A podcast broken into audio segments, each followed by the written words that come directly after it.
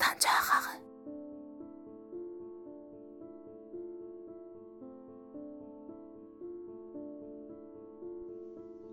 Ata, Ayaz, sən mənim haqqımda dostluqda bir zad əskik qoymadın. İndi oxu görək, dedi. Ayaz cımcılaq suydu. Qəzetəni yaxasından çıxardıb atanın qarşısına tutdu. Aydın görmək üçün qabağa qaçdı. Ayaz, "Get orada otur. Mən oxuyum, hamı qulaq assın." dedi. Ayda ağ çadıranın ucunu dişinə alıb ananın yanında, mutfağın qapısında durmuşdu. Ayaz oxumağa hazırlanınca ata çubuğunu doldurub Ayazın qarşısında oturdu. "Yaxşı, oxu." dedi. Ayaz məmləkəti çəp-çevir edirlər. Axır zaman olub. Burasına qulaq as. İran necə ansızın basqılandı? Hər yerdən qorxulu, can sıxıcı xəbərlər yetişir. Xəbər yetişib ki, gecə yarısından biraz sonra İngilisin navları Xürrəmşəhərin sahilinə yaxınlaşıb iki top gülləsini ataraq bəndərə yürüş ediblər. Səhər açılanda İranın navlarını işdən salıblar. Neçə mələvanla əfsəri öldürüblər. Atanın ağzı açıla qalmışdı. Ayaz ona bir an baxıb, "Cabir görürsən? İntizami qüvvələrdən bizim nəyimiz var? Yalnız bir ah çəkmək. Bir vaxt eşidərsən Ayazı əldən veribsən." dedi. Ata, Allah eləməsin, dedi. Ayaz Riza şahı o böyüklüylə dizə çökdürüblər. İndi oxuyum gör, deyib yenə də oxumağa başladı. Neçə dəqiqə öncə xəbər yetişib ki, o yəl olan Bayındır, dəniz qüvvələrinin başçısı Sərtib Bayındırı öldürüblər. Hind ha belə İngilis əskərlərini endiriblər. Ondan neçə dəqiqə sonra da Əhvazın havadan bombardıman edilməsinin xəbəri gəlib. Elə o zaman qorxulu xəbərlər quzeydən Azərbaycana yürüş etməkdən buranı deyirlər. Sərhəd yerlərinin havadan bombardıman olmaqlarının xəbərləri yetişib. Beləliklə sərbazxanalar amac tutulub. Ruslarla İngilis qüvvələri quzey, güney, batıdan İran qüvvələrinə hücum çəkiblər. Onlar da birbaşa qarşılarında dayanıblar. Bütün İranlıları qorxu bürüyüb. Yabancı qoşunda qıvraq önə yürüyür. Ailələrin çoxu şəhərlərdən qaçırlar. Bu xəbərlərin yetişməsi hər dəqiqə şahı pozğun edirdi. Buyurub Rusun ixtiyarlı başqanı Mr. İsmirnovu mən iki dönə görmüşəm. Bir də Mr. Bollard İngilisin ixtiyarlı başqanını onun yanına çağırsınlar. Səhər saat 11-də savaş açan ölkələrin siyasi elçiləri Sədabad sarayında şah ilə danışdılar. Onların görüşləri bir saata qədər uzandı. Sonra oturumun sonudsuz bitməsi bəlli oldu. Onların danışıqlarından əldə bir bilgi olmasa da belə anlaşılır ki, Şah Şurəvi və İngilis dövlətlərindən istəyib öz istəklərini bildirsinlər. Söz verib müttəfiqlərin hərbi ədəvat daşımaq baxımından rizayətlərini ələ gətirməkdə var gücü ilə çalışıb işləri yoluna salsın. Ha belə almanlıların adamlarını azaltsın. Ondan başqa hər cür arxayınlıq istəsələr verilsin. Yetər ki, bu ansız yürüşü dayandırıb öz qüvvələrini geri çəksinlər. Ayaz Şahın dirənməsi ilə gözlədiyi iş karsız idi. Cabir görürsən, o adam o qədər böyüklüyü ilə bunlara yalvarıcı düşüb. Demək şahın dirənməsi onlardan yardım gözləməsi faydasız idi. Dediyim kimi Bu qorxulu yuxu neçə ay öncə İrana görülmüşdü, dedi. Xəbərin ardını oxudu. Bu görüş olduqca şahı pozğunlatdı. O başa düşdü ki, İran dövlətindən yol istəmək nəqşəsi şahın son mərhələyə saxladığı iş deyilmiş. Onlar gizlində hər işi görüblər. Müxalifətlərinin əsası elə onun özü ilədir. Onunla işləmək istəmədən onun var olmağını öz istəklərinin qarşısında bir əngəl bilirlər. Ayaz Bunu xoş dilinə deyirlər da. O ki getdi, onda da gedərdi. Daha yürüş etmək nədir?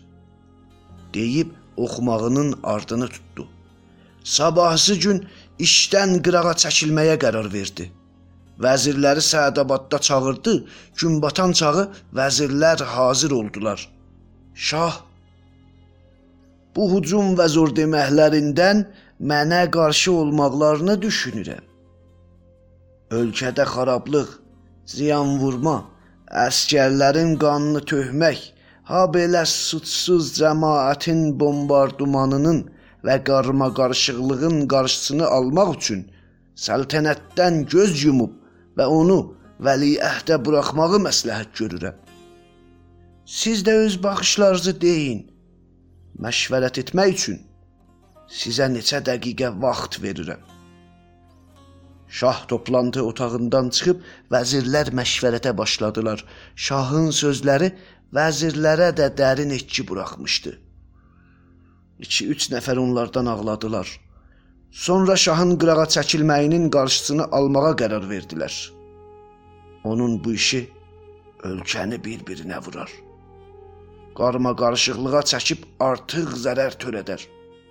Sonra bu qonunu onun qulluğuna çatdırmağa çalışdılar. Müttəfiqlər bətərdən Riza Şaha hədə qorxu gəliblər. Keçən gecə yayılan xəbərin ardında Winston Churchillin dediyinə görə Şəhrivərin 25-i səhər çağı şurəvi qüvvələri Tehrana sarı yollanıb. Rus qüvvələrinin Kərəcdən Tehrana sarı axın etməsini şaha çatdırıblar. Və bu axının amacı da bəllidir. Şah özünü qırağa çəkmək və baş kəndidən çıxmaqdan başqa çarə bilməyib. Firuğunu istəyib. Sözü onunla ortaya qoyub. Mən ilk gündən bilirdim. İstəkləri mənə qarşı durmaqdır.'' Ancaq dövlət istefa verməyimi məsləhət görmədi. Bu gün naçarlıqdan qırağa çəkilməliyəm. Bu gün Çerçil deyir, silah ortaya gələndə qanunun dili bağlanar. Şəhrivərin 25-ci günü saat 11-də Ağay Furuği məclis kürsüsünün arxasında ən önəmli olaylarla işlər baş verib onları sizlərə çatdırmalıyam, dedi. Ata, siyasət yanı bilicilik.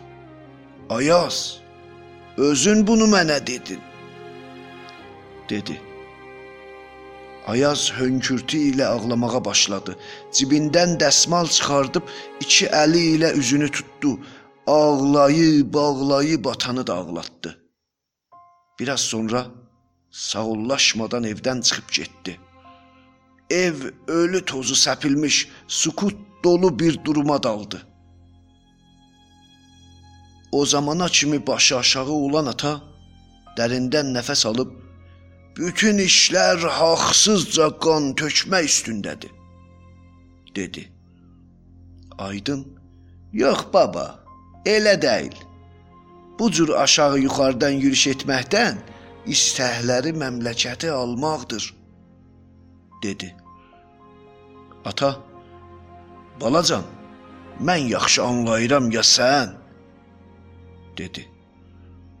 Aydın, qana görə olsa niyə savaşırlar? Sülh salsınlar, dedi. Ata, mənim canımı alan sənə taysülük, Hən, dedi. Ana, Bəsdi da. Gecə olur. Gedək otağa, görək nə olur. dedi. Hər gecə yatay hamı böyük otağa getdilər. Ana dövrə yanan çırağı yandırdı. Ata çırmalana çırmalana Çox yaxşı. Uşaqlar, dalımca gəlin, dəstəmaz alın. Bu gecə istirəm namaz qılasız, dedi. Ayda, mən tək qılıram, dedi. Ata, nə üçün? deyib Aydanın qulağını vurdu. Ayda, namaz üstündə aydın məni güldürür, dedi. Ata, sən gülmə. Aydın çox şuluq eləsə salaram eşiyə, deyib Aydının başına bir qapaz çaldı. Yusif, ha hara? dedi. Ata, eşiyə, küçəyə, dedi. Yusif, Bəruslar dedi. Ata, istəməzsən bu köpək oğluların acılarını çəkəsən, dedi. Lord Pəncə düzəldən kərxanası işçilərinin aylığından bir günü kəsmişdilər. Bu xəbər yel kimi şəhərdə buruldu. İşçilər bətər acınacaqlı və rahatsız idilər gələn şənbə günü iş üstə getməməklərinə qərar vermişdilər. Onlardan neçəsi elə o günü vaxtından tez işdən çıxdılar. Lord cənablarının mübaşiri işçilərin aylığını azaltdığı üçün kərxananın tətil olmaq xətərini eşitdi. Lord cənabları kərxananın eşik sahəsində tezliklə bir danışıq yola salıb işçilərin gözü önündə mübaşirə qulaq vurması verdi. Onu danladı. Hədə qorxu gəlib ona yaman yovuz da dedi. Rusların acığına Lord kərxanası işçiləri çörəksizlik acısı çəkməsin deyə kərxanada bir çörəkçixana yola salınmasını əmr etdi. Ardıcan neçə günün boyunda çörəkçixananın işlətdiyi unun ödənilməsinə söz verdi. Yerinə də yetirdi. Eşiyə pəncərəsi açılan kiçik bir otaqdan işçilər sıralanmadan o belə uşaq, qoca, xırda və böyük adamın ac gözlərinin qarşısında isti çörək alıb məndillərinə bağlayıb evlərinə doğru yollanırdılar. Onun hardan gəlməsini kimsə bilmirdi, amma sürəkli gəlirdi. Çoxları deyirdilər un Türkiyədən gəlir, bəziləri də dövlət verir deyirdilər. Amma Ayaz Pasiban ataya Nəmin cadəsində un təlislərinin bir rus kamyonundan boşaldılmasını öz gözü ilə gördüyünü demişdi. Nəysə, işçilər qıvraq, kefsazlıqla kərxanaya gedirdilər. Keçmiş günlərdən qat-qat artıq işləyib, axşam dinc xəyalla çörəkləri məndillərində evlərinə qayıdırdılar. Ürətmə iki qat artmışdı. O günə kimi Lord çərxanasında işləməklə ingilis çörəyi yeməyə boyun əyməyən bəzi ərdəbil kişiləri birdən-birə çərxanada işləmək üçün ad yazdırmışdılar. İşçidən axsayan çərxananın səhərdən nahara kimi götürümü doldu. Lord cənabları 5 il boyunda belə bir işi yerinə qoya bilməmişdi. İndi çərxana xalqın, ha belə rusların heyran qalan gözləri qarşısında dayanmadan işləyirdi.